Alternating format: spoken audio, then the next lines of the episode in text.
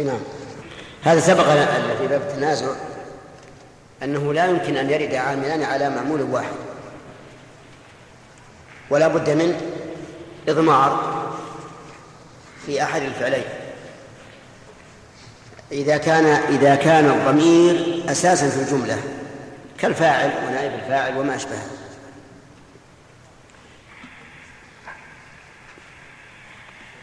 نعم. نعم. والله إحنا ذكرنا فيما سبق قاعدة في باب النحو أنه إذا إذا ذكر العلماء خلافا في النحو فالأسهل والأرجح إلا إذا تعذر. وقام وقعد. صحيح أنه لا يمكن أن يكون قام وقعد ثاني واحد. لكن يحمل عنه قام ثم قعد. أو قعد أو قعد ثم قام لأن الواو لا تقضي الترتيب. نعم. إذا بالمقرار نعم.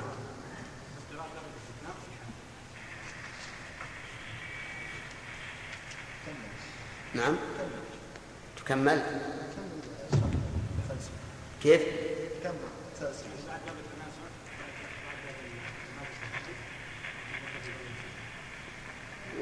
والباقي واضح. طيب.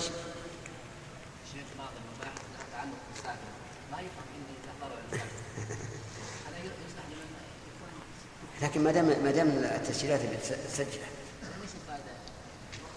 الفائدة الوقت. بالنسبة لنا نحن. أنا لولا أن أنكم لزمتم كان ما قرأت. في من من يدرس الألفية؟ نعم. هناك إيش؟ تجد ماء. لا حول ولا قوة إلا وكان الإنسان أكثر شيء جدلا. تسميع عندنا. قراءة شيء. ابتداء؟ إيه، طيب. يحيى؟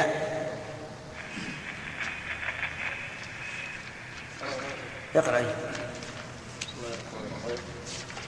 يقول ابن مالك ابن مالك رحمه الله.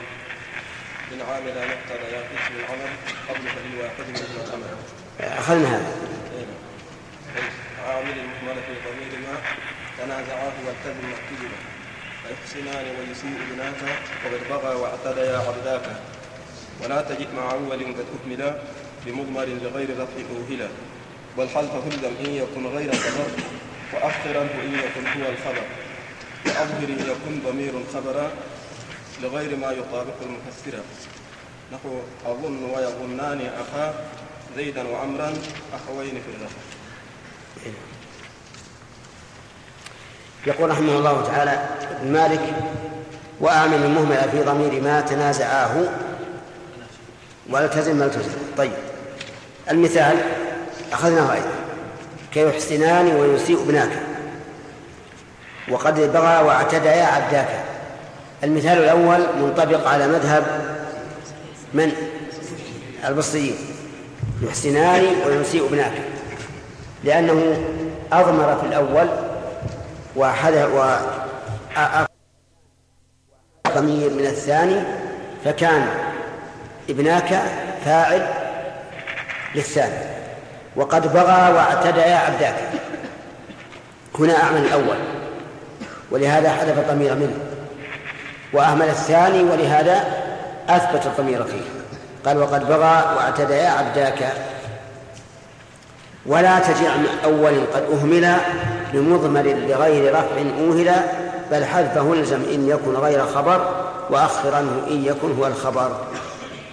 يعني إذا إذا كان الضمير ليس فاعلا ولا نائب فاعل فلا تأتي به مع الأول. إذا أهملته بل احذفه إلا أن يكون خبرا. مثال ذلك أكرمت وضربته زيدا. أكرمت وضربت أكرمت وضربت زيدا. أكرمت وضربت زيدا. أيهما العامل؟ أكرمت وضربت زيدا. العامل ضربت والأول مهمل. فلا يجوز أن تقول أكرمته وضربت زيدا لأن هذا الضمير ليس أصله المبتدأ والخبر بل هو ضمير مفعول به.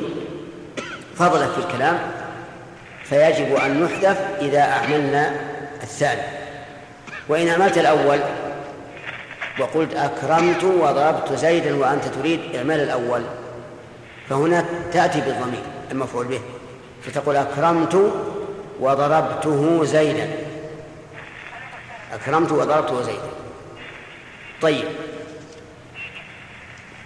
علمت به ومررت به. نعم علم علمت به ومررت بزيد. هذا لا يصح لأنه لا يجوز أن تأتي مع الأول بالضمير إذا أعملت الثاني. أما لو قلت علمت ومررت به زيد نعم عملت ومررت به بزيد. فهذا يجوز. لأنك إذا إذا عملت الأول فأضمر في الثاني. وخلاصة القول الآن. أنه إذا كان الضمير عمدة وهو الفاعل وإيش؟ ونائب الفاعل. فإن فإنه يجب يجب الإتيان به سواء أعملت الأول أو أعملت الثاني. والمثال؟ المثال ذكره ابن مالك. كي يحسنان ويسيء ابناك وقد بغى واعتدى عبداك وإن كان الضمير فضلة فإن عملت الثاني فلا تأتي به في الأول وإن عملت الأول فأت به في الثاني هذا الضابط. ولهذا قال لا تجد مع أول قد أهمل بمضمر أي بضمير لغير رفع أوهل إعراب البيت لا ناهية وتجد فعل مضارع ملزوم بلا الناهية والفاعل مستتر وجوبا تقديره أنت مع أول هنا مع ساكن خلاف الأفصح لأجل استقامة الوزن. قد أهمل أي لم يعمل والكلام الآن في باب التنازع آه، أهمل فعل مضارع فعل ماضي مبني لما لم يسمى فاعله ونائب الفاعل مستتر تقديره هو. بمضمر متعلق جار مجرور متعلق بتجع لغير رفع أوهلا. لغير رفع جار مجرور متعلق محذوف صفة للمضمر. ورفع وأوهل أيضا الجملة صفة لرفع. لغير رفع أوهل ويجوز أن يكون لغير رفع متعلق بأوهل. وتكون جملة أوهل صفة لمضمر. والمعنى لمضمر أوهل لغير رفع. آه، قال بل حذفه الزم إن يكن غير خبر. بل حذفه أي حذف الضمير غير المرفوع إلزم. متى؟ إذا عملنا الثاني فإننا نحذفه من الأول ولا يصح أن نأتي به لأنه فضله. وأخرنه إن يكن هو الخبر. أخرنه أي أخر المفعول إن يكن هو الخبر. أخر المفعول الذي يطلبه الفعل الأول إذا عملت الثاني. المثال عندكم. يقول ظنني وظننت زيدا عالما إياه. ظن تحتاج إلى مفعولين. وكلاهما إيش؟ عمدة. لأن لأن أصل المفعولين في ظن وأخواتها مبتدأ وخبر. والمبتدأ والخبر عمدة. فلا بد من من الإتيان بهما جميعا. لأنك لو أعطيت الفعل الثاني المفعولين وتركت الأول فقد حذفت مفعولين هما عمدة. وهذا لا يجوز. وإن أضمرت فلا يجوز أيضا. لأن الضمير لا يمكن يأتي بالأول في الأول إذا أعمل الثاني. إذا ما بقي علينا إلا آه، أن نؤخره ولكن لا ولا ولا نجعله ضميرا متصلا. المثال عندي يقول تقول ظنني وظننت زيدا عالما إياه. انتبهوا لهذا المثال. والظاهر أن العرب من أولها إلى آخرها لم تنطق بمثل هذا النطق. نعم. لكن نحويين رحمهم الله يفرضون مسائل فرضية كما يفرض الفقهاء أيضا مسائل فرضية. ظنني وظننت زيدا عالما. لو أنا تكلمت بهذه الكلمة هكذا ظنني وظننت زيدا عالما. وش تفهمون من ظننت زيدا؟ تفهمون ظننت زيدا جاهلا أو أو عالما؟ ظنني وظننت زيدا عالما. لا شك إن ظنني عالما فعل استوفى مفعولين. ظنني عالما. نعم أقصد ظننت ظننت فعل لا شك إنه فعل استوفى مفعولين. ظننت زيدا عالما واضح. فعل وفاعل ومفعول أول ومفعول ثاني. بقينا ظنني تطلب مفعولين أيضا.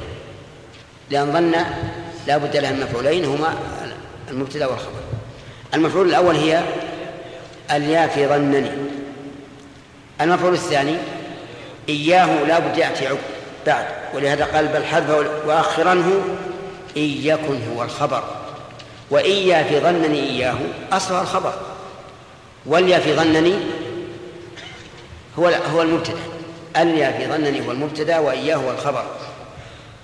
ولهذا قال أخرنه إن يكن الخبر. فتقول ظنني وظننت زيدا عالما. إياه. الإعراب. ظن فعل ماضي والنون الوقاية ولي مفعول أول. والواو حرف عطف وظننت فعل وفاعل وزيد مفعول أول وعالما مفعول ثاني. الظن الأولى ولا الظن الثانية؟ ظن الثانية لأننا عملناه وإياه نعم مفعول ثاني لظن الأولى. واضح؟ فيؤتى بالضمير. طيب إياه إيش؟ ظنني إياه أي ظنني ذلك العالم. فيكون معنى الجملة أنني ظننت زيدا عالما وظنني زيد عالما. فإياه أي ذلك العالم ولا ما ما تقدم ما تقدم مرجع للضمير لكن أخذ من المعنى. فإذا سئلنا ما معنى قول القائل ظنني وظننت زيدا عالما إياه نقول معناه أنه ظنني عالما وظننته عالما. هذا معنى الجملة. لكن الآن لو سألته ماذا تفهمون من قولي ظنني وظننت زيدا عالما؟ ولا أقول إياه. أه؟ ما نفهم شيء؟ الظاهر نفهم أنه ظنني عالما. كما ظننته عالما. هذا الظاهر. طيب. آه، ظنني وظننت زيدا قائما. كذلك ظنني قائما وأنا ظننت أنه قائم هذا هو المتبادل. لكن نقول لابد هذا هذا مبتدا وخبر لابد يأتي المبتدا والخبر. لأنهما عمدة. إيش يجيب؟ وش يجيب؟ قالوا لو قلت ظنني وظننت زيدا عالما عالما. نعم؟ يكون كلام ركيك. ظنني وظننت زيدا عالما عالما يكون كلام ركيك من جهة. ومن جهة أخرى يظن أن عالما الثانية توكيد توكيد للأولى توكيدا لفظيا. لكن إذا قلت ظنني وظننت زيدا عالما إياه زال الإشكال. لكن يبقى كيف ظنني إياه؟ هو ظنني نفسه. هذا هو المتبادل من الضمير. ظنني إياه أي ظنني نفسه. فتأتي مسألة إيش؟ السفسطة. الذي يقول كل واحد من المستفسرين يقول أنا أنت وأنت أنا. وقد ذكرنا لكم قصتهم. وأنهم إذا أراد النوم ربط كل واحد منهم حبلا برجله يخالف حبل رجل صاحبه علشان ما يغلط إذا أصبح. طيب على كل حال آه، هم يقولون إن معنى إياه أي ذلك العالم. مو بإياه أنا. المعنى ذلك العالم. وخلاصة القول له إذا أعملنا الثاني فإننا لا نضمر في الأول إلا آه، إلا ضمير الرفع.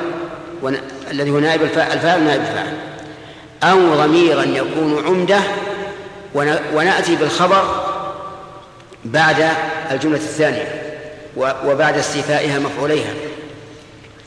فنقول ظنني وظننت زيدا عالما إياه ولا يصح نقول ظنني إياه وظننت زيدا عالما. ولهذا قال المؤلف بل حذفه الزم إن يكن غير خبر وأخرنه إن يكن هو الخبر. طيب لو قلت ضربته وأك وأكرمت زيدا يصح. ضربته وأكرمت زيدا. ليش؟ لأن الضمير هنا فضلة فيجب حذف. ماذا أقول؟ ضربت وأكرمت زيدا. طيب ضربت وأكرمته زيدا. صحيح ولا صحيح؟ ليش؟ لأنه إذا إذا كان الضمير إذا عملنا الأول أجزنا أن نعمل الثاني بالضمير. واضح؟ طيب. ثم عاد وأظهر إن يكن ضمير الخبر هذا البيت والذي بعده. قرأناه على شيخنا عبد الرحمن بن سعدي عدة مرات وعجزنا عن فهمه وتركيبه. وتمثلنا بقول الشاعر إذا لم تستطع شيئا فدعه وجاوزه إلى ما تستطيع. وكفى بنا أن نعرف معنى البيتين الأولين. وأما ما ذكره هنا يقول وأظهر إن يكن ضميرا خبر ضمير خبر لغير ما يطابق المفسر. نحو أظن ويظنان أخا زيدا وعمرا أخوين في الرخاء. فنقول الحمد لله على رخائه ونعمته أننا لم نكلف بمعرفة هذا هذين البيتين. أما إعرابهما تحبون إعرابهما أعربناهما نعم. الحكمة من القواعد السابقة واضح. أن الإنسان إذا تكلم بالتنازع يتكلم على حسب مقتضى القواعد. إذا أهملنا الأول. نعم. لم نضمن إذا كان فضل أي نعم. لماذا؟ السبب لأن الفضل يجوز حذف. وأنت إذا أوجدته ومرجعه متأخر عاد الضمير على متأخر لفظا ورتبة ولا داعي لذلك فلهذا حدثنا نعم. إيه ما يجوز.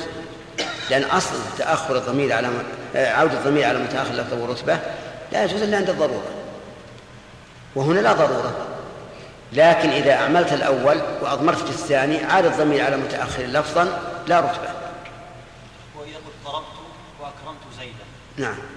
لو قال قال. الع... الذي أعملناه هنا الأول. نعم. ولم احسن نقول إذا عملنا الأول لا بد أن تأتي بقرينة تدل على اعمال الأول. وهو أن تضمن في الثاني. إلا على الرأي الذي ذكره بعض العلماء أنه يجوز إعمال العاملين في معمول معمول واحد هذا شيء ثاني. إذا علتهم على الاضمار قبل علته في في حذف الضمير في الأول إذا لم يكن عمدة هو أنك تضمر آه، أو تجعل الضمير عائدا على المتأخر لفظا ورتبة بدون سبب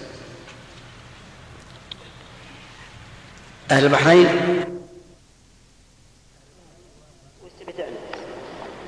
وين اختلف الطلب؟ اي ما يضر يعني قد يطلبه أحدهما على أنه مفعول به وقد يطلبه أحدهما مفعول به والثاني على أنه فاعل. اي نعم. ما نعطي الهمزة يقربه على أنه فاعلا شلون؟ ما يقدم لا لا كل واحد بالخيار لأن نحتاج إلى عملنا ما هو بلاش بس المنصوب ما نحتاج. لا إذا عملنا إذا عملناه في المنصوب الآن إذا كنت ترضيه ويرضيك صاحب الواجب نحذف الحد ويصح إذا كنت ترضي ويرضيك صاحب يصح. لكن هو هنا أعمل. عمل كم؟ إيش؟ لكن لو عملنا الأول. لو أعملنا الأول قلنا إذا كنت ترضي وترضيه. ترضيه صاحبا صاحبا صاحبا بالنص ويرضيك صاحبا. إذا كنت ترضي ويرضيك صاحبا. يعني إذا كنت مع مع مع, مع أنه في الحقيقة. يعني هو مو موجود في اللغة العربية. وجابوا الحمد عنده أقيسة جابوا الحمد عنده ولهذا نرى أن نفهم. نعم. فنبدأ الآن بالمفعول المطلق. المفعول المطلق. عندنا المفاعيل إما مقيدة وإما مطلقة. المفاعيل إما مقيدة وإما مطلقة. المقيدة تكون مقيدة بالباء وتكون مقيدة بالله ها؟ ها؟ كيف؟ لا لا تكون لا تكون اللي بحفظ نحفظ ولا؟ لا في مراجعة. في مراجعة في اللي قريته طيب المفعول المطلق إن المفاعيل قسمين مطلق ومقيد. والمقيد يكون بالباء ويكون بالله ويكون بفي ويكون بالواو. والمفاعيل إذا خمسة. مجموعة في هذا البيت. ضرب. ضربا. أبا عمرو غداة أتى وجئت والنيل خوفا من عقابك لي. ها؟ في بيت واحد. ضربت ضربا أبا عمرو غداة أتى وجئت والنيل خوفا من عقابك لي. ضربا هذا المفعول المطلق. أبا عمرو المفعول به. غداة أتى المفعول فيه. وجئت والنيل المفعول معه. خوفا من عقابك لي المفعول لأجله. مفعول لأجله. فالمفاعيل خمس. هذه المفاعيل الخمس تنقسم إلى قسمين. مفعول مطلق ما يقال به أو له أو فيه أو معه. مطلق مفعول. ومفعول مقيد. إما بالباء أو بفي أو بالواو أو باللام أو بالواو. بمعنى مجموعة في قوله ضربت ضربا أبا عمرو غداة أتى. وجئت والنيل خوفا من عقابك لي زين ضربا. هذا المفعول المطلق أبا عمرو مفعول به. غداة أتى مفعول فيه اللي هو الضرب وجئت والنيل. مفعول معه. خوفا من عقابك لي. مفعول لأجله. نعم. هنا المؤلف يقول المفعول المطلق اللي ما قيد ما قيل به أو فيه أو له ما قيل. مفعول مطلق. فما هو؟ العنوان أعم من الأبيات الآتية. لأنه تكلم عن المصدر. فعندنا مصدر وعندنا مفعول مطلق. مفعول مطلق. المصدر أعم من المفعول المطلق من وجه. والمفعول المطلق أعم من المصدر من وجه آخر. إذا قلت وقوفك طويل. وقوفك طويل. وقوف هذه مصدر. لكنها ليست مفعولا مطلقا وش؟ وقوفك طويل. ها؟ مبتدأ خبر. وقوف مبتدأ. يعجبني قيامك. قيام مصدر. ولكنها فاعل. فرحت كل الفرح كل هذه مفعول مطلق وليست بمصدر. وهي منصوبة. فإذا يا جماعة المفعول المطلق والمصدر بينهما عموم وخصوص وجه.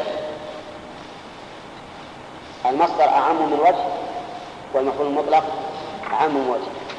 فالمفعول المطلق لا يكون إلا منصوبا ولكن قد يكون مصدرا وقد يكون نائبا مناب المصدر.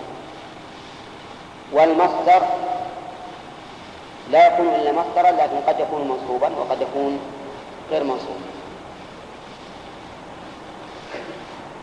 فهمتم الآن؟ المفعول المطلق لا يكون إلا منصوبا لكن قد يكون مصدر وقد يكون غير مصدر. المصدر ما يكون إلا مصدر ولكن قد يكون مرفوعا ومنصوبا ومجرورا. هذا الفرق بينهما وصار الفرق بينهما عموم مخصوص وجه. المصدر اسم ما سوى الزمان من مدلولي الفعل. كأمن من أمن. وغالبا يقول معقد المصدر اسم ما سوى الزمان من مدلولي الفعل. الفعل إذا قلت قام قام. لها مدلولات. فيجلس جلوس أيضا. لأن يجلس دلت على على الحدث اللي هو الجلوس وعلى زمن مستقبل. وعلى هذا فقط. فهو اسم ما سوى الزمان. ما هو الذي سوى الزمان؟ الحدث. الحدث أو المعنى إن شئت الحدث أو المعنى. من مدلول الفعل مثاله كأمن من أمن. أمن. أمنا أمن أمنا هذا المصدر. أمن أمنا طيب أولئك لهم الأمن. الأمن مصدر أمن لكن هنا مرفوع لأنها مبتدا مؤخر. نعم. الحاصل أنه المصدر هو ما دل عليه الحدث الذي دل عليه الفعل. يعني اسم ما دل اسم لما دل لأحد مدلولي الفعل وهو الحدث. ترى هذا تفسير ابن مالك. لكن بتفسير أوضح نقول المصدر هو الذي يجيء مثل ما قال صاحب الأجرمية هو الذي يجيء ثالثا في تصريف الفعل. كيف ثالثا في تصريف الفعل؟ قام يقوم قياما. جلس يجلس جلوسا هو الثالث. يجي هو الثالث. كذا يا غانم. اي نعم. يصلح. قاعد يقعد قول. هذا المصدر خلوا اللي يجي الثالث الذي يأتي ثالثا في تصريف الفعل هو المصدر. أظن هذه واضحة. هذه مثل الماء البارد نعم. جدا واضحة. ما تبي كلام ابدا. قام يقوم قياما. أكل يأكل أكلا وعلى هذا فقط أما ابن مالك فيقول اسم ما سوى الزمان من مدلولي الفعل واضح؟ ها؟ إيه؟ كأمن من أمن طيب الآن السؤال هل هو أصل الفعل أو الفعل أصله؟ المؤلف يقول وكونه أصل لهذين لكن قبله بمثل أو فعل أو وصف نصب يقول ينصب المصدر بمثل يعني قد يكون الناصب له مصدرا مثله مثله. وينصب بالفعل. وينصب بالوصف. ينصب بالوصف. إذا ناصب المصدر ثلاثة. إما مصدر مثله وإما فعل وإما وصف. وإما وصف. إذا قلت عجبتك عجبت من ضربك العبد ضربا شديدا. عجبت من ضربك العبد ضربا شديدا. وش اللي ناصبه؟ المصدر. من ضربك. يعني ضرب هذا مصدر. ضربا منصوب على المصدرية والعامل فيه المصدر اللي قبل. طيب. أو فعل مثل ضربت؟ ضربا. هذا الفعل. أضرب ضربا. اضرب ضرب هذا هذا مصدر أو وصف مثل أنا الضارب المجرم ضربا أليما. أنا الضارب المجرم ضربا أليما. وين المصدر؟ ضربا ناصبه الضارب وهو وصف نعم. طيب. هذا هو العبد المضروب ضربا شديدا. وش الوصف؟ اسم المفعول. الوصف اسم المفعول. فإذا ينصب المصدر إما بمصدر أو بفعل أو بوصف. وكونه أصلا لهذين انتخب. انتخب كون مبتدأ. كون مبتدأ. وهو مضاف إلى الهاء.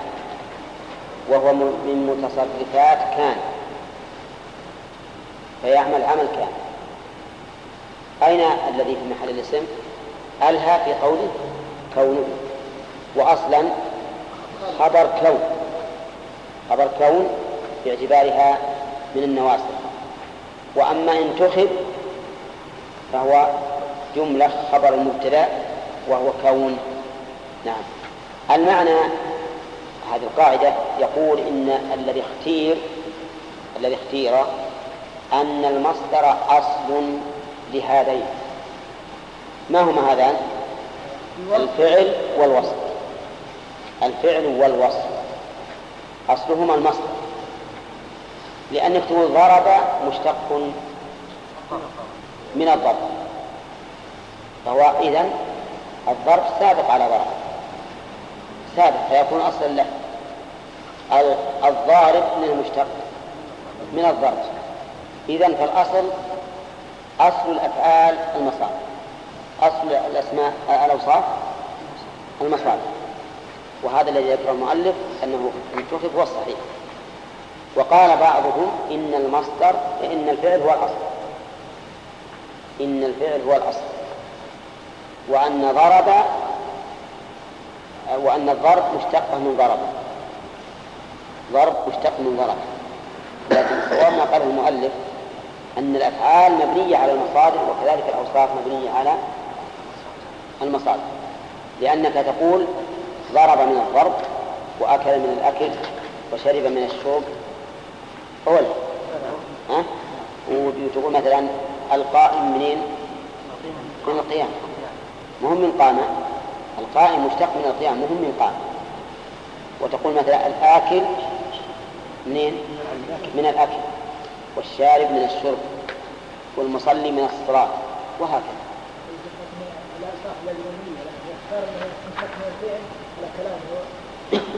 هو الذي يجيء من الفعل. قد يكون العبارة تشير إلى هذا. إنما الأصح أنه منتخب أن المصدر هو الأصل. والله أعلم. قال توكيدا. إن شاء الله بحث التنازع في العمل وغيره. بس. لا المفعول المطلق بعدين إن شاء هل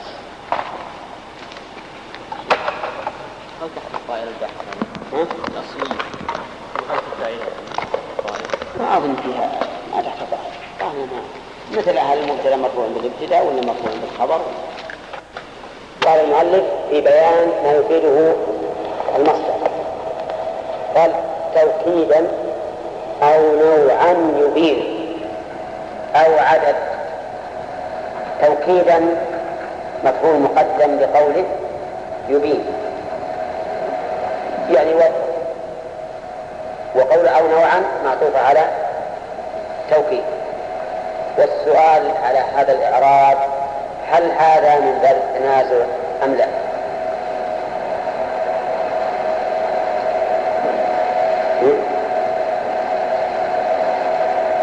توكيدا أو نوعا يبين لماذا؟ لا لا فاصل فاصل السؤال الآن ليس يتنازع لماذا؟ صالح هو اللي ضبط العلم. لأنه الفعل وين الفعل؟ يبين. صح. وقوله أو عدد أو عدد. أو هذه حرف عطف. وهي معطوفة على توكيد. يعني أو يبين عددا. وهنا قال المؤلف عدد. والمعروف أنه إذا وقف على المنصوب يوقف عليه بالألف. والجواب إما أن نقول لأجل الروض أخذ وإما أن نقول على لغة ربيعة الذين يقفون على المنصوب بالسكون. طيب. القاعدة الآن من هذا الشطر أن المصدر يأتي لأغراض. منها التوكيد ومنها بيان النوع ومنها بيان العدد. ضرب المؤلف أمثلة. قال كسرت سيرتين. سرت سيرتين. هذا وش؟ هذا عدد؟ هذا عدد. مرتين. سير ذي رشد النوع النوع لنبين لنا أن سيره سير ذي الرشد والرشد معناه حسن التصرف. نعم. وتقول أيضا وواجهته مواجهة المقصر. مواجهة هذه مصدر مبينة للنوم. وثب وثوب الأسد؟ هذا أيضا مبين للنوم. طيب. ضربه ضربات كثيرة. العدد؟ لا العدد. أي ضربات. نعم. كثرت سيرتين سير... طيب ما ذكر المؤلف التوكيد؟ التوكيد مثل قولك ضربت ضربا. ومثل قوله تعالى وكلم الله موسى تكليما. ما فائدة النص المؤكد لأن فائدة المبين للعدد واضح. المبين للعدد واضح يبين العدد والمبين للنوع فائدته واضحة أيضا لأنه يبين نوع المصدر. لكن ما فائدة المؤكد؟ إذا قلت كلمته تكليما وش الفائدة من كلمة تكليما؟ يقولون فائدته انتفاء احتمال المجاز. إنه ما هو هذا مجاز كلمته تكليما يعني ما ما هو بغير تكليم مثل ما لو قلت كلمته أنا يعني لا غير. طيب إيه.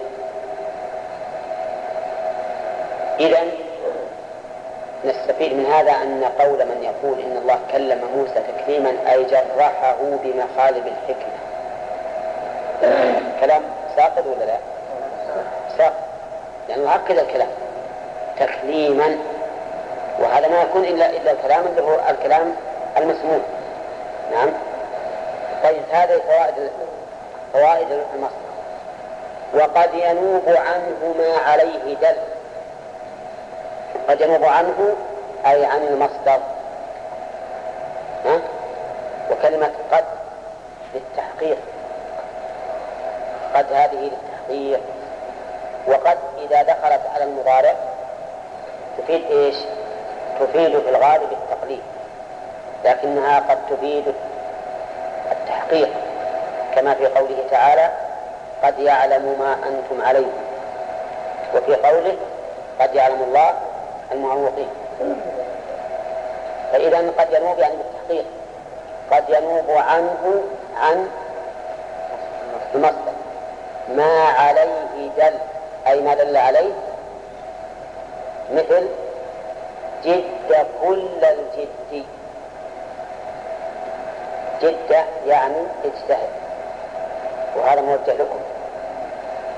كل الجد. ولا بعضه ها؟ كل.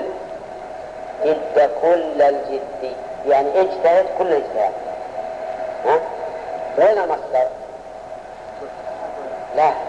هذه كل مفعول مطلق. الجد. هو المصدر لكن كل دلت عليه.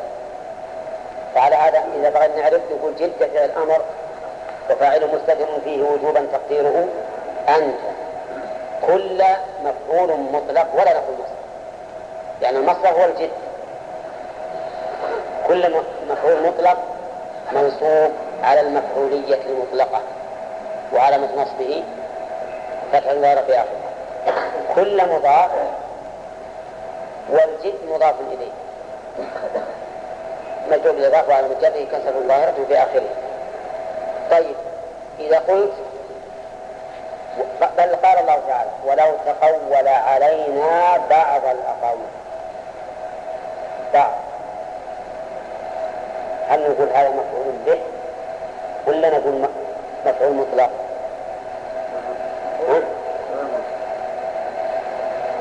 مفعول مطلق مفعول به. وش حجك يا محمد؟ لأنه أتى ذلك المصدر وين المصدر؟ الأقاويل الأقاويل ما هي ما هي مصدر التقوي؟ ما هي مصدر الله؟ مصدر العيد ما قال التقاوي تقول تقولا. وش حجك؟ أي فالمفعول المفعول المطلق منصوب جد كل الجد ها؟ فيها صالحة بما يظهر لي الظاهر أن فيها شيء. أن تكون مفعول مطلقا وأن تكون مفعولا بها لأن الفعل واقع عليه. طيب قلت أكرمه بعض الإكرام. أكرمه بعض الإكرام. ما تقولون؟ مفعول مطلق. لأنه أضيفت إلى المصدر.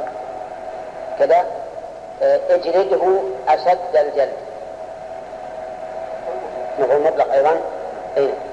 إذا كل ما كان منصوبا مضافا إلى مصدر الفعل فهو مفعول مطلق. قال وافرح الجدل. افرح. فعل أمر مبني على السكون. وفاعله مستتر. جوازا تقديره أنت. وجوبا. وش القاعدة؟ اللي تقديره أنت؟ أو أنا أو نحن فهو مستتر وجوبا. طيب. قوله افرح الجدل. افرح الجدل. الجدل مو مصدر. مصدر. لكنه مو من لفظ الفعل. ليس من لفظه بل هو من معناه. لأن الجدل الفرح. لو قال افرح الفرح لصار مصدرا. لكن قال افرح الجدل لو قلت الجدل مصدر لافرح قلنا لك لا. الجدل مصدر لإيش؟ لا مصدر لأي شيء. جدل. نعم ما هي لفرح؟ إذا هي بمعنى الفعل وليست من لفظه فنعرفها بأنها مفعول مطلق ولا نقول مصدر؟ الفرح. ومثله أيضا قم وقوفا. قم وقوفا. قم فعل أمر. وقوفا مفعول مطلق. ولا نقول مصدر. لأن وقوفا ليست مصدرا. لقم من لفظه. لكنها مصدر له من معناه فتكون مفعولا مطلقا. اجلس قعودا. ها؟ قم وقوفا قم فعل أمر. وقوفا مفعول مطلق. ولا نقول مصدر. لأن وقوفا ليست مصدرا. ها؟ لقم من لفظه.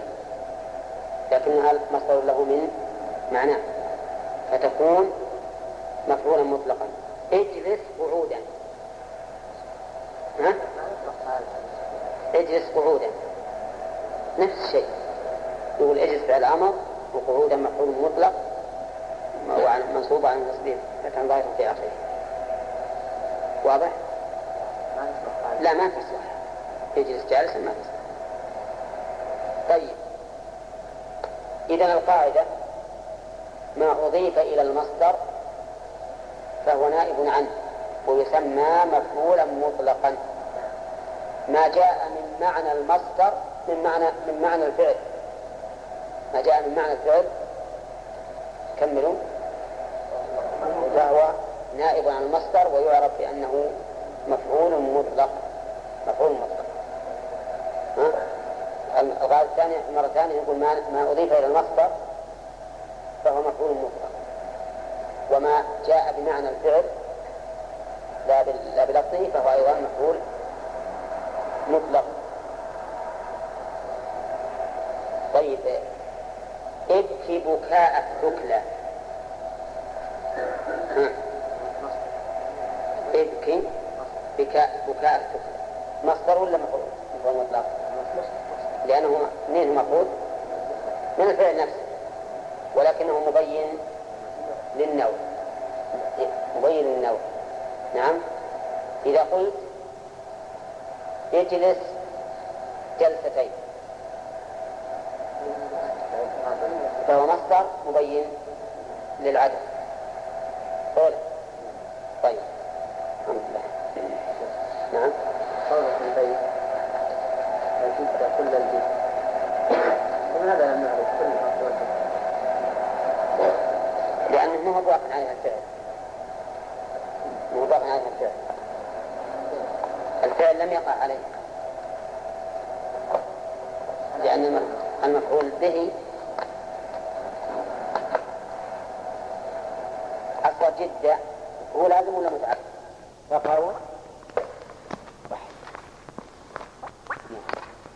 معنى لتوكيد أي المصدر الذي يراد به توكيد عامله نعم يكون مفردا لا مثنى ولا جمع مثل قوله تعالى وكلم الله موسى تكليما ها؟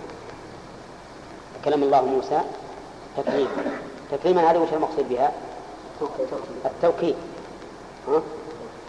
فالذي يراد به التوكيد ما يجوز تنيه ولا يجوز تجمع لأنك لو ثنيته أو جمعته معناه أنك أردت أن تستدل به أو أن تدل به, أن تدل به على معنى آخر غير التوكيد.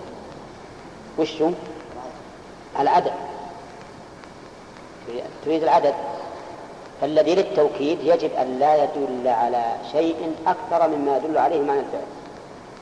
وهو المصدر. طيب إذا قلت حضرت حضورا. نعم حضرت حضورا.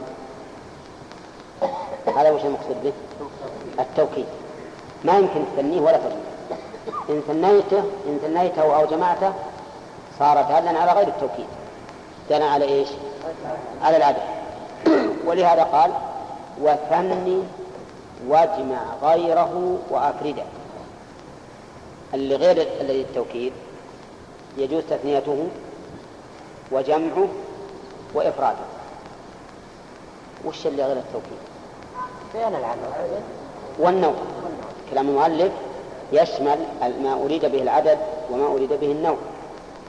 وما أريد به النوع فإنه يجوز على رأي المؤلف أن يثنى ويجمع ويفرد. فتقول فيما يراد به النوع. سرت سيري زيد السريع والبطيء. السريع والبطيئة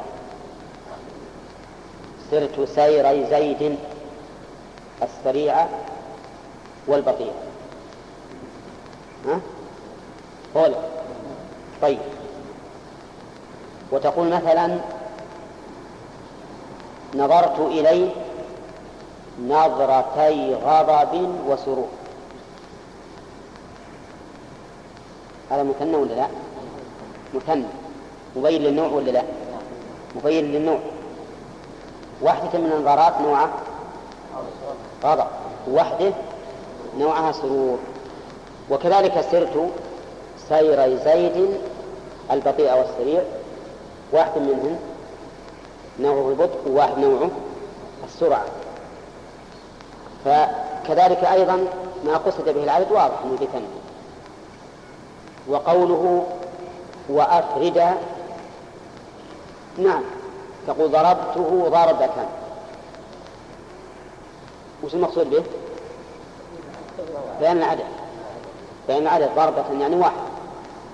ضربتين العدد اثنتين ثلاث ضربات العدد ثلاث مئة ضربة؟ العدد مئة. فالمهم الآن صار الذي للتوكيد يجب إفراده. ومعنى قولنا يجب إفراده أنك لو صغته بغير الإفراد خرج عن التوكيد. هذا المعنى. لأن أنك إذا صوته على غير وجه الإفراد فإنه يخرج عن التوكيد ويكون للأمر الذي صوته عليه. أما ما يراد به النوع وما يراد به العدد فإنه يجوز إفراده وتثنيته وجمعه. ولهذا قال وثن واجمع غيره وأفرده. ثم انتقل المؤلف رحمه الله إلا الله انتهى طيب البيت مضبوط الآن؟ وما لتوكيد فوحد أبدا. وإعرابه أظن فهمتوه. إن ما مفعول مقدم لوحد. ها؟ والف هنا إما أن تكون عاطفة أو مزينة. لأن أحيانا تأتي تدخل الفاعل الكلمة لتزيين اللفظ مثل قولهم فقط ها؟ وقوله أبدا يعني في جميع الأحوال. وثني واجمع غيره وافدا يعني غير ما للتوكيد وهو ما لبيان النوع وما لبيان العدد فإنه يجوز تثنيته وجمعه وإفراده ها؟ لا ما ينكسر البيت. طيب لا لا شيء. اشتد عليه الهمزة هاي اشتد عليه ها؟ وأفرد لا وأفرد ها؟ وأفرد ولا وأفرد وأفرد لأنه رباعي. رباعي. شيخ قوله تعالى حذرها تأكل في أرض الله. تأكل في أرض الله. ما قال تأكل. هنا حصان تسكين هذا. تأكل هنا تعرف موقع مضارع إيه لكن داخل عليه موجب الجزم؟ وش موجب الجزم؟ طلب. إيه. إن جواب الأمر. إيه. والمضارع إذا كان في جواب الأمر فهو يكون مجزوم إذا حذفت الفاء. لكن لو وجدت الفاء فذروها فتأكل نصب ها؟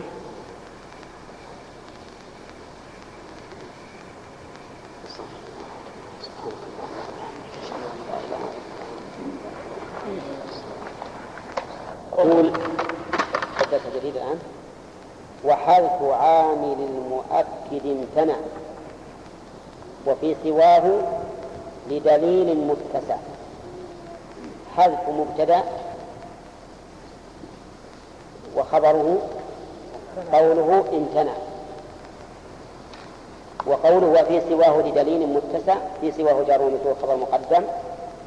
ومتسع مبتدا مؤخر. متسع يعني سعة المعنى يقول المؤلف إن المصدر المؤكد لا يجوز حذف عامله. لأننا نسميه مصدرا مؤكدا. كيف يوجد المؤكد ولا يوجد المؤكد؟ لأنه لا تأكيد إلا بوجود مؤكد. بعد؟ ومؤكد. مؤكد ومؤكد. تبارك الجماعة فالذي قصد به التأكيد ما يمكن يحدث عامله. لماذا؟ لأن المقصود بالتأكيد تقوية العامل. فإذا كان العامل غير موجود فأين التوكيد؟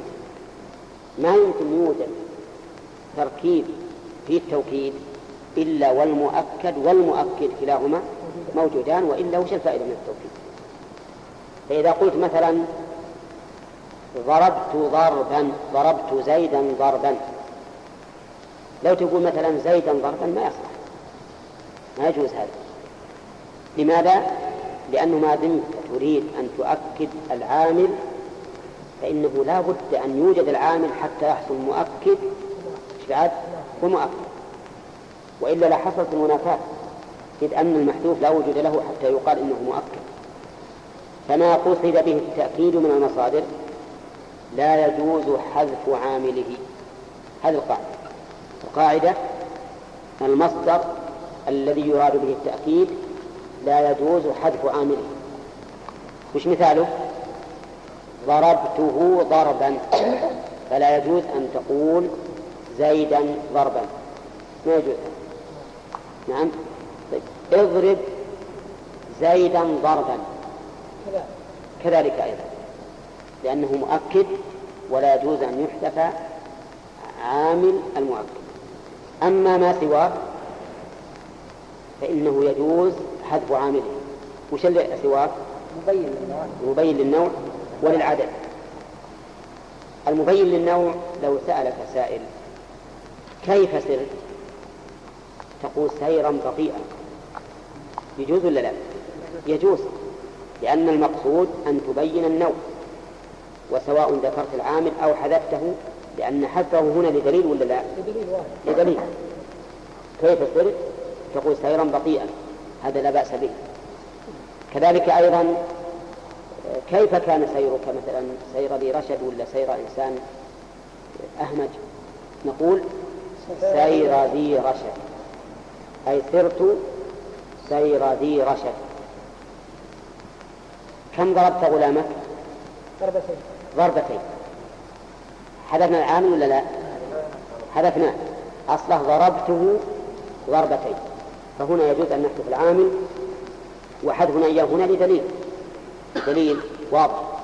ولا حاجة لذكره لأنه ليس المقصود من المصدر التوكيد بل المقصود بيان العدد. فإذا كان المقصود بيان النوع أو كان المقصود بيان العدد فإنه يجوز أن يحذف العامل ولكن لدليل. ولهذا المؤلف قيده قال وفي سواه لدليل متسع. وفي سواه لدليل متسع أما إذا لم يدل عليه دليل فإنه لا يجوز أن يحذف طيب. إذا القاعدة في الشرط الأخير يجوز حذف عامل المصدر الذي يراد به بيان النوع أو العدد لدليل. لدليل. ثم إن المؤلف بعد هذا البيت الذي فيه الاتساع والسهولة ذكر خمسة أبيات ستة أبيات. كلها فيها وجوب حذف العامل شوف وجوب حذف العامل إن يجب ذكر العامل متى؟ إذا كان المقصود بمسألة التوكيد. اللي بعدها الأبيات الستة يجب حذف العامل. أولا والحذف حتم مع آت بدلا من فعله. الحذف مبتدأ وحتم خبر مبتدا حتم وش معناه؟ واجب. واجب. ولازم مع آت بدلا من فعله يعني مع مصدر آت بدلا من فعله بدلا حال من الضمير المستتر بآت. وقوله من فعله أي من عامله. من عامله. يعني معناه إذا جعل المصدر نائبا عن الفعل فإنه يحذف الفعل لأنه لا يجتمع النائب والمنوب عنه. التصرف واحد التصرف في واحد إما الوكيل أو الموكل. أما أن تجمع الوكيل والموكل ما يصح. فإذا ناب المصدر عن فعله فإنه يحذف وجوبا. ولكن لا ينوب المصدر عن فعله في كل وقت في كل شيء بل في المثال المقيد. كندلا اللذ كندلا ها؟ كندلا أولا إن عندي إشكال. قد يكون عندي إشكال في كندلا. الكاف حرف جر. وندلا اسم مجرور بالكاف. وهو الآن منصوب. منصوب. وشلون هذا؟ نقول لا. الآن لم يسلط ال- الحرف على ندلا ما سلط عليه. وإنما يجوز فيه كما قلت لكم فيما سبق في إعرابه وجهان الوجه الأول أن تكون الكاف داخلة على مجرور مقدر. والتقدير؟ كقولك, كقولك ندلا والثاني أن تكون داخلة على الجملة فهو يشير إلى بيت معروف. وهو فندلا زريق المال ندل الثعالب. نعم فندلا زريق المال ندل الثعالب. وقبله يمرون بالدهناء خفافا عيابهم ويرجعن من دارين بجر الحقائب. على حين ألهى الناس جل أمورهم فندلا زريق المال ندل الثعالب هذا اللصوص لصوص يروحون يسرقون من الحسن من دارين. فيمرون بالدهن أدهن معروف. نعم؟ خفافا عيابهم ما فيها شيء. لأنهم ما, ما معهم تمر. إذا وصلوا إلى دارين وسرقوا من التمر نعم يرجعن بجر الحقائق مملوءة على حين ألهى الناس كل أمورهم يجون على حين الغفلة. يجدونها الخيل ويمشون. نعم. فنذلا زريق النذل معناه خطف الشيء بسرعة. يتواصون بالباطل. يقول نذلا زريق المال نذل الثعالب. ثعالب تندل الأشياء تخطف بسرعة. معروف. نعم. وهم يقولون يلا امشي بسرعة. فالمهم أن أن قوله ندلا زريق المال. ندلا. هذه مصدر نابت عن اندل ولهذا ابن مالك يقول رحمه الله اللذ كندلا. اللذ هذه كلمة ما ندري معناها الذي. الذي. يعني إذا اللغة في الذي. ها؟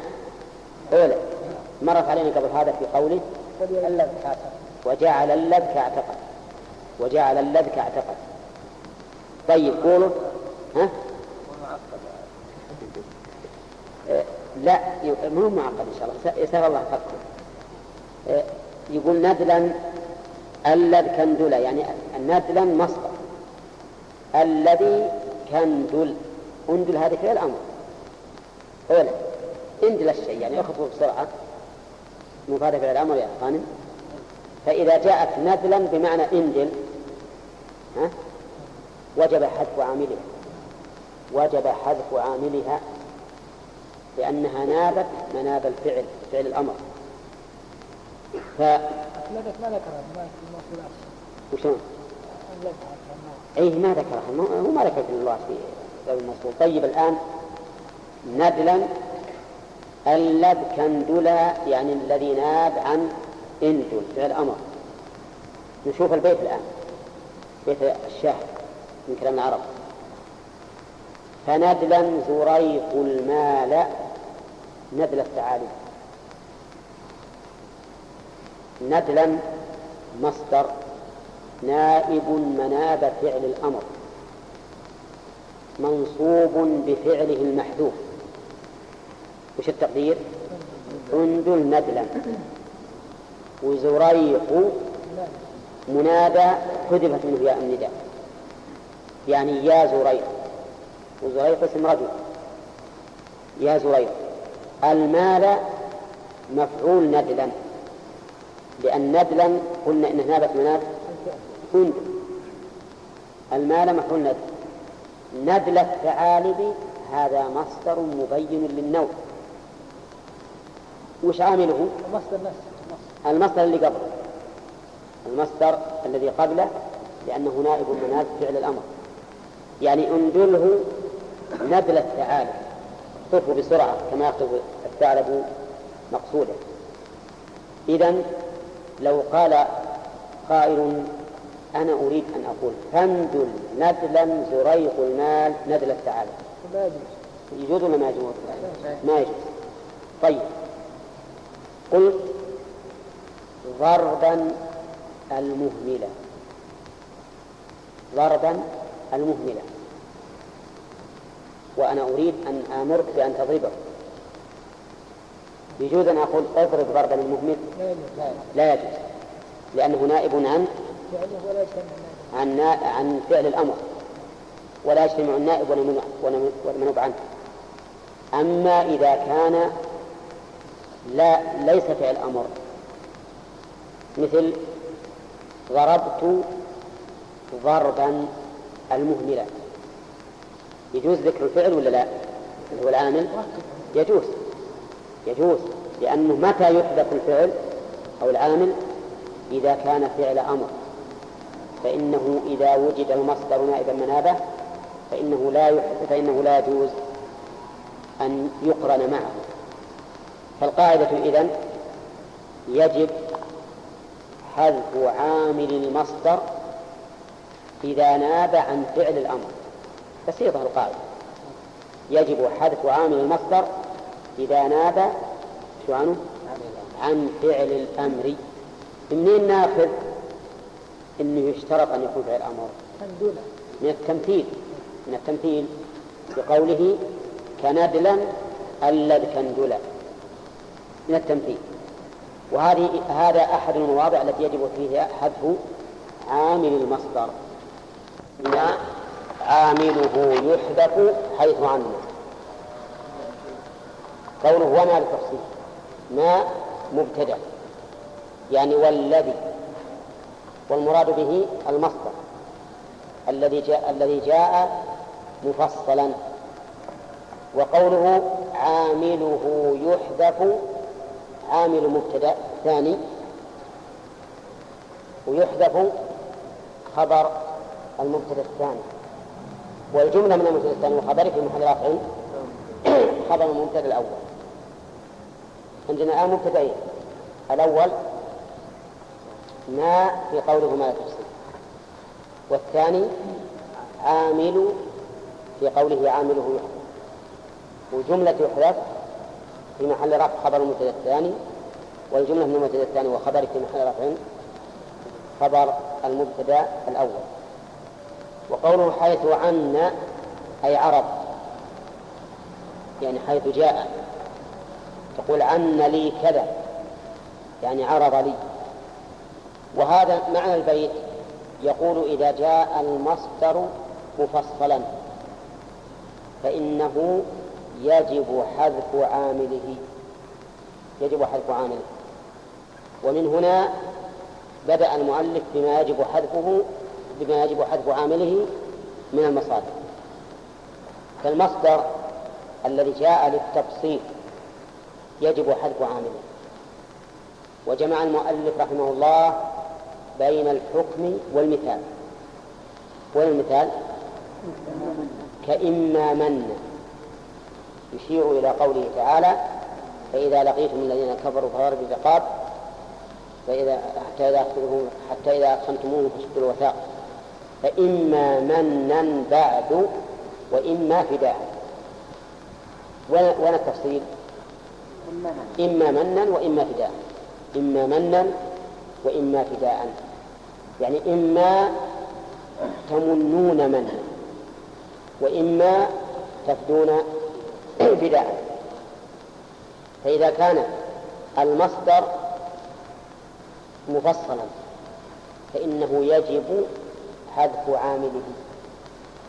تقول مثلا إذا لقيت زيدا فإما ضربا أو إكراما. ها؟ وراء؟ يصلح. يصلح. لا يصلح إما ضرب أو إكرام ها؟ التمثيل يصلح فإما ضربا أو إكراما. كيف ضربا أو إكراما؟ وش؟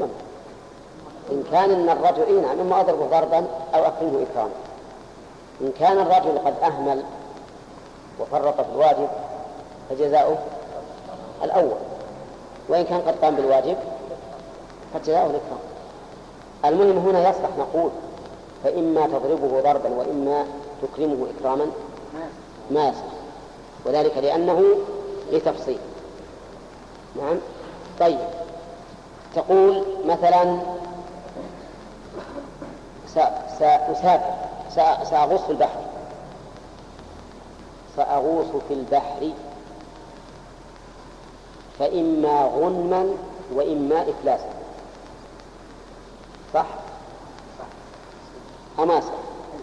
يصلح وهذا يجب عامله ولا حذف عامله ولا ما يجب؟ يجب لأنه للتفصيل إذا كل ما كان عندنا تفصيل في مصدر فإنه يجب حذف عامله وهذه القاعدة قال ها؟ إيه قد يكون في ثلاثة أربعة قال كذا مكرر وذو حصر ورد كذا مكرر يعني كذا مصدر مكرر. وذو حصر ورد نائب فعل لاسم عين استند. هذا واضح يا غانم؟ واضح. ها؟ طيب. شوف كلام مكرر. خذ هذه واحد. وذو حصر هذا ثاني. ورد أي وردا جميعا. فهنا كان على المؤلف أن يقول وردا وردا لكن منعه من ذلك الروي ورد إيش؟ نائب فعل نائب فعل يعني قام مقام هذا الفعل لاسم عين استند استند هذا الفعل لاسم عين يعني لشخص العين يعني. وضد العين المعنى. أي أنه إذا تقدم اسم معنى إذا تقدم اسم معنى. وجاء بعده مصدر نائب عن الفعل. مكرر أو محسوب فإنه يجب حذف عامله. فإنه يجب حذف عامله. نبدأ أولا بالمكرر. زيد سيرا سيرا. زيد. زيد اسم عين ولا اسم معنى؟ ها؟ اسم عين؟ هنا. سيرا سيرا. مصدر مكرر. عامله خبر لزيد. خبر لزيد. يعني استند إلى إسماعيل. وأصله زيد يسير سيرا زيد يسير سيرا فنحن لما كرر المصدر فإنه لو جمعنا بين المكرر وعامله صار في الكلام ثقل فلهذا وجب حذف العام. فنقول زيد سيرا سيرا ولما أن نكرر أكثر. زيد سيرا سيرا سيرا نعم. مثل ما تقول الإنسان عندك يكتب الكلام. أنت إيش؟ هذرا هذرا هذرا يعني يتكلم كلام كثير. ولا اللغة العامية قردا قردا قردا نعم. آه يعني تكثر هذا الشيء. فعلى كل حال إذا جاء مصدر مكرر نائب عن فعل مخبر به عن اسم عين ها؟ فإنه يتعين حذف العامل يتعين حذف العامل وقوله لاسم عين لو أنه استند إلى اسم معنى. نعم. حذفه ما يجب كما لو قلت شأنك ضربا ضربا. شأنك ضربا ضربا. يعني شأنك تضرب ضربا ضربا. فهنا يجوز أن تذكر الفعل. لأنه ليس خبرا عن اسم عين إذ أن الشأن معنى معنى من المعاني أو حال من الأحوال فلا يجب حذفه. المسألة الثانية قال وذو حصر ذو حصر. تعرفون أن الحصر يكون بطرق أشهرها وأكثرها النفي والإثبات. وكذلك إنما إنما؟ إنما. أو الحصر أو النفي والإثبات أو النفي والإثبات فالحصر له طرق منها ما سبق لنا أننا قلنا إذا تقدم ما حق التأخير فهو دال الحصر ومنها إذا اقترن بضمير الفصل فهو دال الحصر وأشياء كثيرة إنما أشهرها وأكثرها النفي والإثبات وكذلك إنما. تقول مثلا ما زيد إلا سيرا. ما زيد إلا سيرا. التقدير إلا يسير سيرا. إلا يسير سيرا. ما زيد إلا انطلاقا أي إلا ينطلق انطلاقا هنا الحصر بإيش؟ بالنفي والإثبات ما زيد إلا ما زيد هذا نفي وإلا هذا إثبات أو تقول بإنما إنما زيد مشيا إنما زيد مشيا يعني يمشي مشيا في حصر هنا ولا؟ في إنما. في إنما. واضح؟ طيب. إذا هذا البيت معناه أنه إذا جاء المصدر نائبا عن فعل مخبر به عن إسماعيل. الشرط الثاني وهو مكرر أو محصور. محصور فيه. وهو مكرر أو محصور فيه فإنه يتعين حذف حذف عامله نعم. لماذا نقدر دائما لأنه يدل على ثبوت الاستمرار وفي الماضي الخبر سر ها؟ أقول سر سيرا لا ما مقتل لأنك إذا قلت ما زيد إلا سر سيرا ما أستطيع ما أستطيع المعنى وش معنى ما زيد إلا سر سيرا؟ زيد سيرا سيرا مثل زيد. آه يعني هذا غير هذا المسألة اللي إحنا فيها يعني تأمره أن يسير لا هذا يكون المصدر نفسه نائب من الأمر وقد سبق مثل ندلا الذي كان دونه هذه مسألة مستقلة.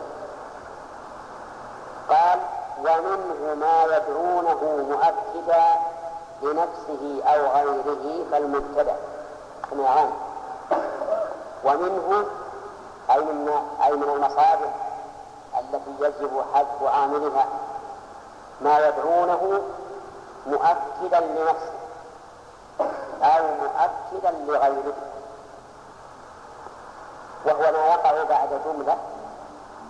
المؤكد هنا ما يقع بعد جملة يؤكدها. فإن كانت الجملة لا تحتمل سواه سمي مؤكدا لنفسه. وإن كانت الجملة تحتمله وغيره سمي مؤكدا لغيره. سمي مؤكدا لغيره. المؤلف يقولون مؤكدا لنفسه أو غيره. لنفسه أو غيره.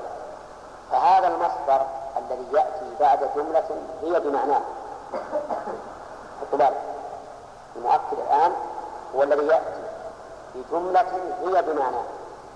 ولهذا سميناه مؤكد لأنه يؤكدها إذ أنه بمعناها وهي بمعناه. ثم إن كانت لا تحتمل غيره سمي مؤكدا لنفسه لأن نفس الجملة هي هو. ولهذا سمي مؤكد لنفسه وإن كانت تحتمله وغيره صار مؤكدا لغيره. ومعنى مؤكد لغيره أنه مانع غيره أن يكون أن تكون الجملة بمعناه. يمنع غيره أن تكون الجملة بمعناه. المبتدأ يعني الأول. وهو المؤكد لنفسه المؤلف الآن بيمثل لنا لأن المؤلف جاب مسألتين.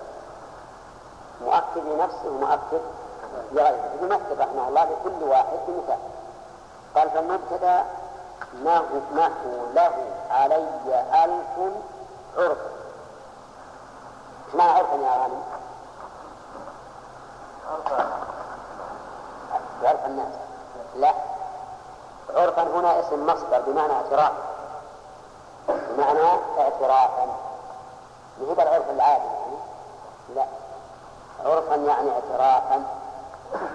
شوف له علي ألف هذا اعتراف ولا لا؟ اعتراف ما يحتمل غيره ألف. اعتراف صريح واضح. ولهذا يلزم بدفع الألف. يلزم المقر بدفع الألف. له علي ألف.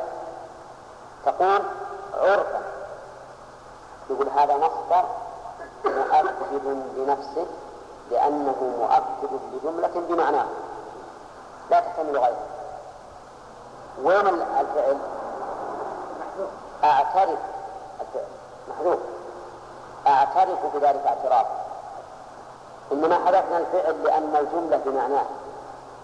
لأن له علي ألف بمعنى أعترف فلهذا حذفنا أعترف ليش نجيبه هو موجود فنقول هنا نحذف العامل اللي هو ناصب المصدر لأن الجملة بمعناه تماما فلا حاجة إلى ذكره أعرض لكم له علي ألف له له مبتدأ له جار مجرور خبر مقدم علي جار ومجرور خبر مقدم. ها؟ إيه؟ له جار مجرور خبر مقدم. وعلي جار مجرور خبر مقدم.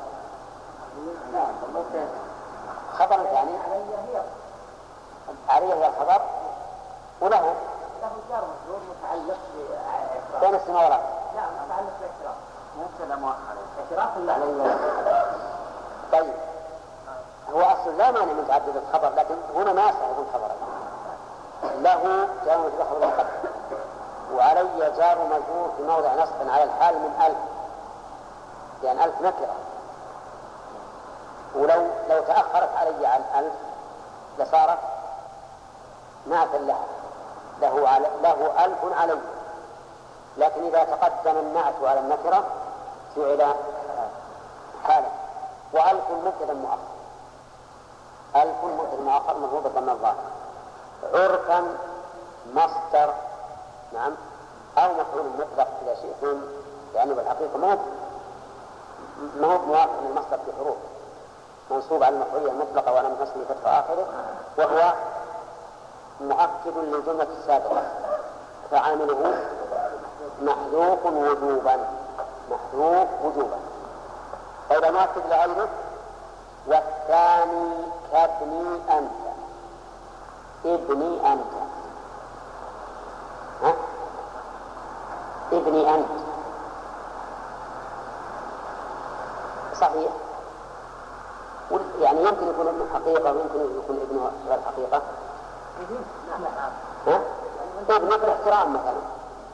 ولهذا جاء يقول الإنسان مثلا لما يقول يا أبنائي افعلوا كذا. يا بني افعل كذا. ولا لا؟ طيب.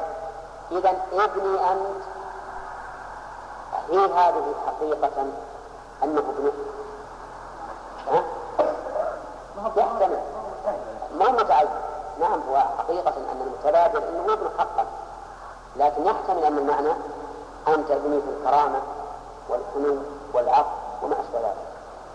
فإذا قلت حقا أكدت الآن أنه ابن حقيقة. أنه ابن حقيقة لكن هذه الجملة اللي قبل. بمعنى؟ ليس. بمعناه لأنه تحتمل أنه ابن حقا أو ابن مجازا. أليس كذلك؟ لهذا يسمون هذا المصدر. يسمونه مؤكدا لغيره. مؤكدا لغيره. وتقدير الكلام أحق ذلك حقا. أحق ذلك حقا. فحقا مصدر عامل محذوف وجوبا تقديره أحق أي أثبت ذلك إثباتا. أي أثبت ذلك إثباتا. مفهوم؟ طيب ابني أنت نعرفه. ابني مبتدأ. خبر مقدم؟ لا لا مبتدأ لا خبر مقدم. طيب خالي لأنت. مرت علينا في شواهد المثل والخبر خالي لأنت. أنت هي لأن فيها لام لام الابتداء قد تزحلق عن مكان إن في ذلك لا مبتدا لا هو الأحسن أن نقول إن ابني خبر مقدم يعني أنت ابني ابني أنت أنت ابني؟ فنقول ابني مبتدأ وأن خبر مقدم وأنت مبتدأ مؤخر نعم لو كان الكلام في إنسان يسأل من ابنه؟ هل أنا ابنك؟ فتقول ابني أنت. صارت ابن مبتدأ وأنت خبر فنحن ما نريد الآن التعيين تعيين من هو الابن. بل نريد أن نخبر عن هذا الرجل المخاطب بأنه ابن. فعلى هذا يكون الخبر ابني مقدم. وأنت مبتدأ مؤخر أنت. ولا أن مبتدأ مؤخر؟ أن مبتدا مؤخر. والتعر خطاب فيه رأيين ومن غير رأي ابن جند رأيان محققان. من يقول أنت جميل ومنهم يقول أن والتاء حرف خطاب وقول حقا مصدر عامله محذوف وجوبا. منصوب على المصدرية وعلى نصبه فتح في آخر وقوله صرفا. هذا تأكيد آخر. والصرف الذي لا خالق لا يخالطه شيء. لا يخالطه شيء. فعلى معنى انك تبني حقا خالصا. وهنا لا دخل المثال. المثال يتم بدونه. صرفا المثال يتم بدونها لكن جاء به المؤلف تتميما للبيت نعم. والثاني تبني أنت حقا صفة كذاك ذو التشبيه بعد جملة. كذاك ذو ذو بمعنى صاحب؟ وهو مبتدا خبره. قوله كذلك. كذلك للتشبيه يعني كذلك المصدر. الدال على التشبيه بعد جملة. مثاله؟ لي بكا لي بكا الجملة الآن. تامة ولا ها؟ تام هذا البكاء وش بكاء سهل ولا كثير؟ قال بكاء ذات عذلة. ها؟ بكاء. هذا مصدر. التقدير لا تبكي بكاء. أبكي بكاء. ذات عضلة وش معنى عضلة؟ قيل إن العضلة الداهية العضلة الداهية وقيل العضلة منعها من الزواج؟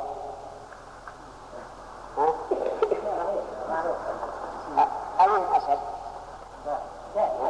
الداهية أشد الغالب أن الداهية أشد لأن التي تبكي لمنعها من الزواج تبكي على فوات مكفوف والتي أصيبت بداهية على حصول مكروه وهذا أعظم. فإذا نقول بكاء مصدر يراد به التشبيه لا مصيبة مصيبة عظيمة. آه يعني ذهين يعني. لا. طيب بكاء مصدر عامل محذوف وجوبا والتقدير. أبكي بكاء